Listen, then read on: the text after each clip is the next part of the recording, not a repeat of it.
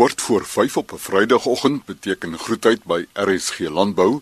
Vanoggend vanaf die ateljee in die Departement Landbou Weskaap en Chris Viljoen wat môre sê met inligting oor greening the future toekennings koringroes geïntegreerde plaagbestuur is jy handig met jou vingers?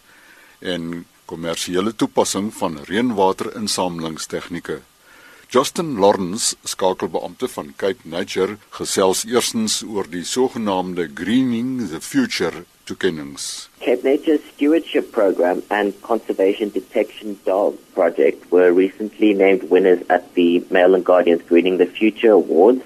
The Conservation Stewardship Program was the winner in the category of biodiversity stewardship the Detection Dog Project won the category for species conservation for its work in conserving the geometric tortoise.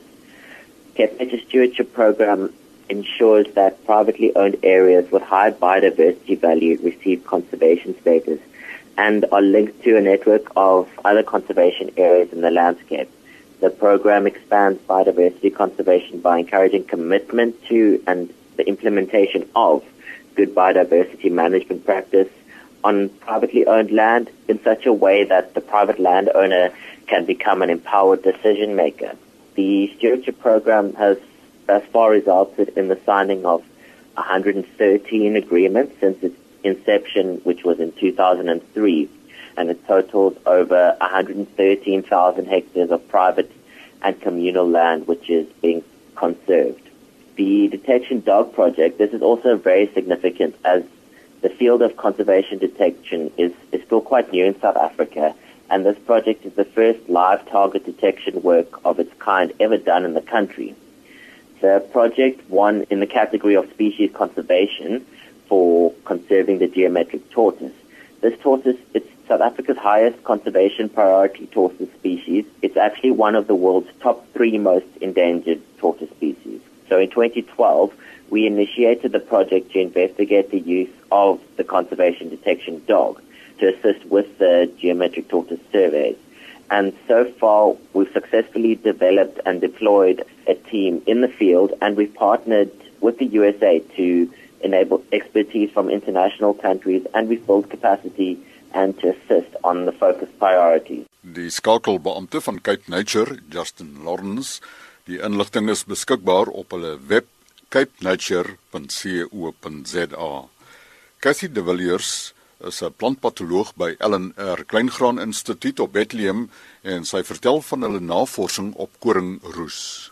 Die agtergrondinligting oor koringroes is dat daar drie verskillende tipes roes is wat koring oor die algemeen infekteer. Nou dit sluit in stamroes wat ook bekend staan as swartroes, blaarroes wat ook bekend staan as bruinroes en geelroes wat ook bekend staan as streeproes. Nou die tipe skoringroes verskil in kleur en die vorm van die puisie. Nou die puisie is die poeieragtige massaspore wat op 'n spesifieke plekkie voorkom. Streeproes kom gewoonlik in massas geelspore voor en is gewoonlik gerangskik in strepe op die blare.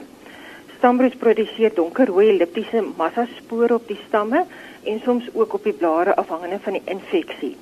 Blare kom voor op die blare, maar kan ook voorkom op die are tydens baie erge infeksie.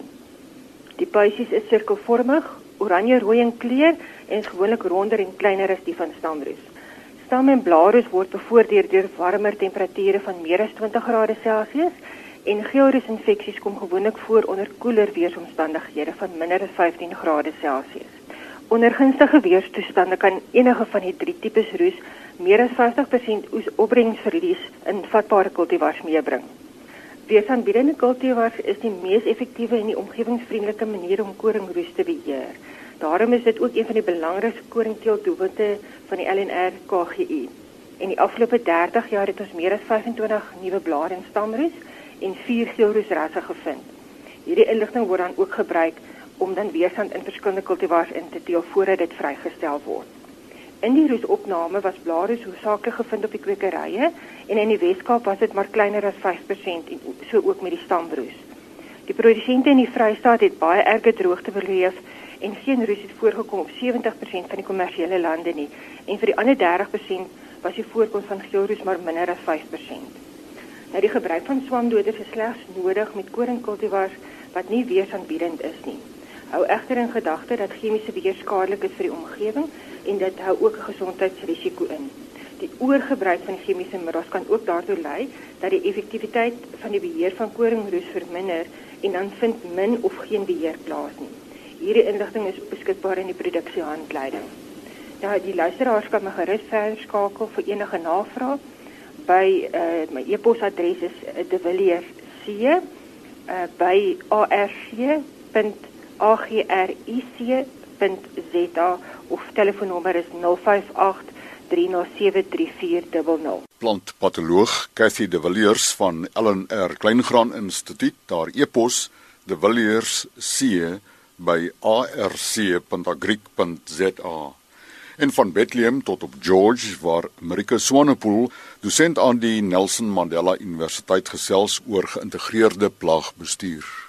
Geïntegreerde plaagbestuur of in kort gebruik ons die afkorting IPM is 'n besluitnemingsstelsel vir die keuse en gebruik van verskeie plaagbeheermetodes wat op hulle eie of gesamentlik gebruik word in strategieë om plaae te bestuur.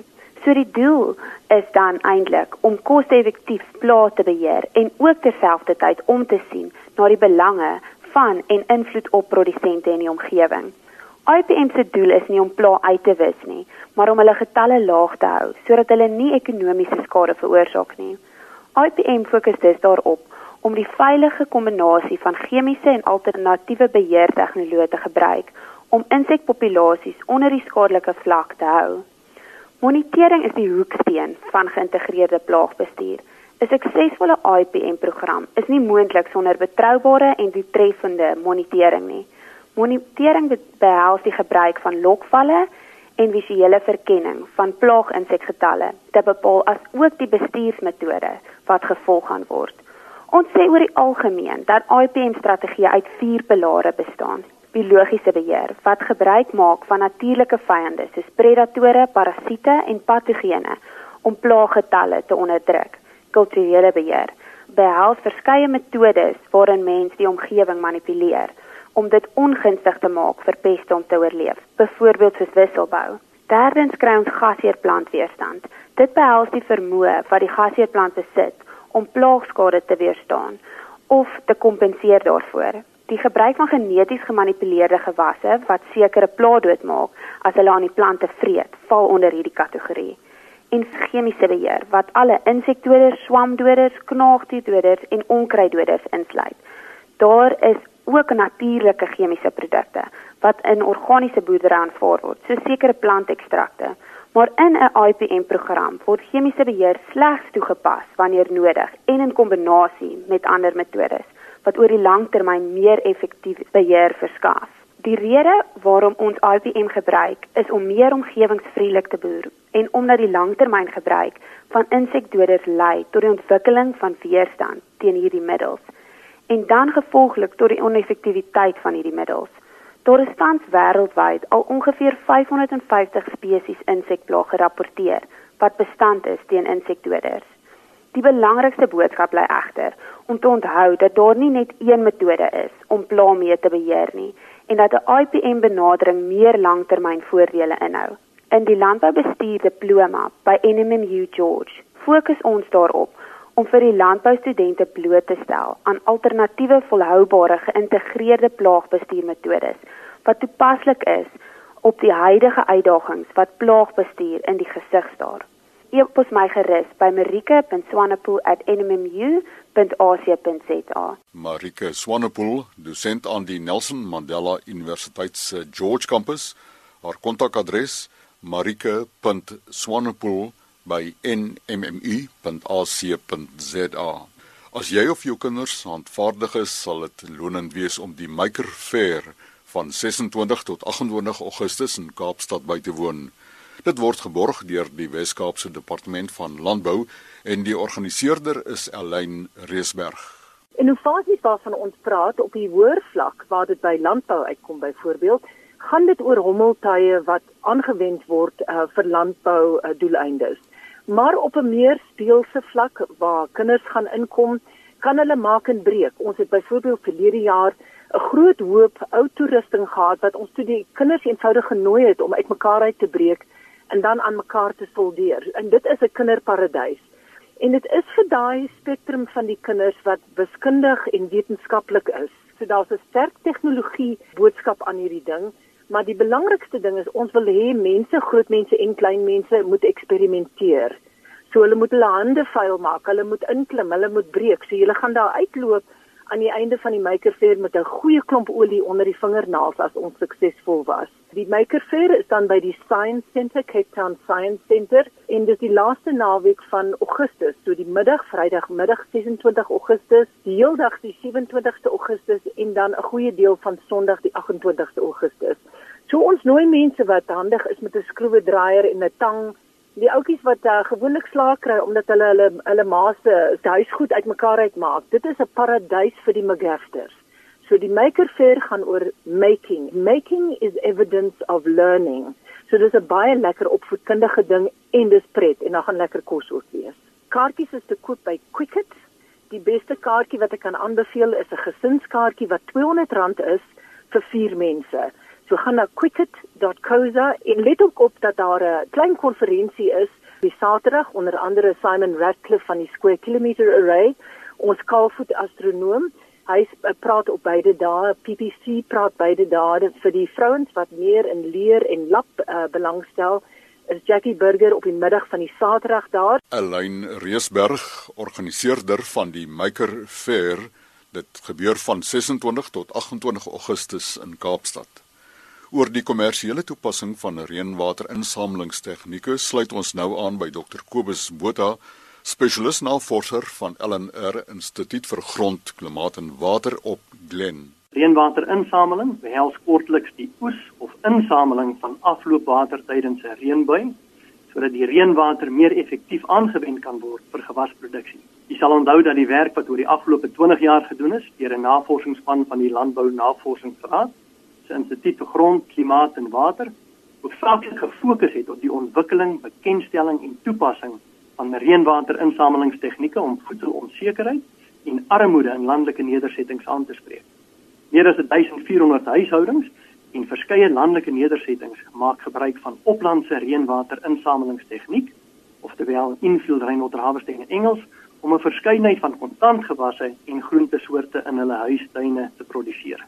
Die droogte van die afgelope seisoen het weer eens die kolle geplaas op die belangrikheid van voldoende vog vir suksesvolle gewasproduksie. Sedert 2008 is 'n navorsingsspan van die LNR aktief betrokke by die ontwikkeling en toetsing van 'n verskeidenheid van implemente wat gebruik kan word om reënwaterinsameling en bewaringsboerdery op 'n kommersiële skaal ook te kan toepas. Die prestasie van vyf verskillende praktyke was statisties getoets oor 'n periode van 4 groeiseisoene by navorsingsstasies van die Departement Landbou in die Vrystaat, Oos-Kaap en Limpopo. So dis op verskillende gronde en ook onder verskillende klimaatstoestande gedoen. Hierdie navorsing was befonds deur die Waternavorsingskommissie van Suid-Afrika. Navorsingsresultate het bewys dat al die reënwaterinsamelings en bewaringsboerdery tegnieke wat getoets was, beter presteer het as konvensionele bewerking. Die lae opbrengste onder konvensionele bewerking kan ook daaraan toegeskryf word dat baie van die reënval verlore gaan as afloop. Die gemekaniseerde oplandse reënwaterinsamelingstegniek het die beste presteer en het oor plantbeskikbare water regdeur die groeiseisoen teweeggebring wat 'n hoër opbrengste tot gevolg gehad het weens die vermoë van die praktyk om nie net reënwater beter te bewaar nie, maar ook om addisionele water in te samel. Die tegniek verseker dat geen afloop van die land af plaasvind nie terwyl verdamping ook aansienlik verminder word. Deur die toepassing van geskikte reënwaterinsameling in bewerkingspraktyke kan die kommersiële boerders ook in staat wees om opbrengste en gevolglik inkomste aansienlik te verhoog. Enige luisteraar wat verdere inligting wil bekom, is welkom om my gedurende kantoorure te kontak by 061 114 3219 of 'n e-pos te stuur na botac@ by arc.agric.za en sterkte met die eie reënwaterinsamelingsinisiatiewe. Dr Kobus Botha, spesialis navorser by LNR Instituut vir Grond, Klimaat en Water, sy e-pos botac@arc.agric.za. Dink aan sigouryproduksie, jy vind die produsente in die Alexandria omgewing van die Oos-Kaap Nou oor die produk wat bekend is in koffiemengsels gesels ons Saterdagoggend om kwart voor 12 in die program RSG Landbou. Chris Viljoen wat groet namens Elsenburg.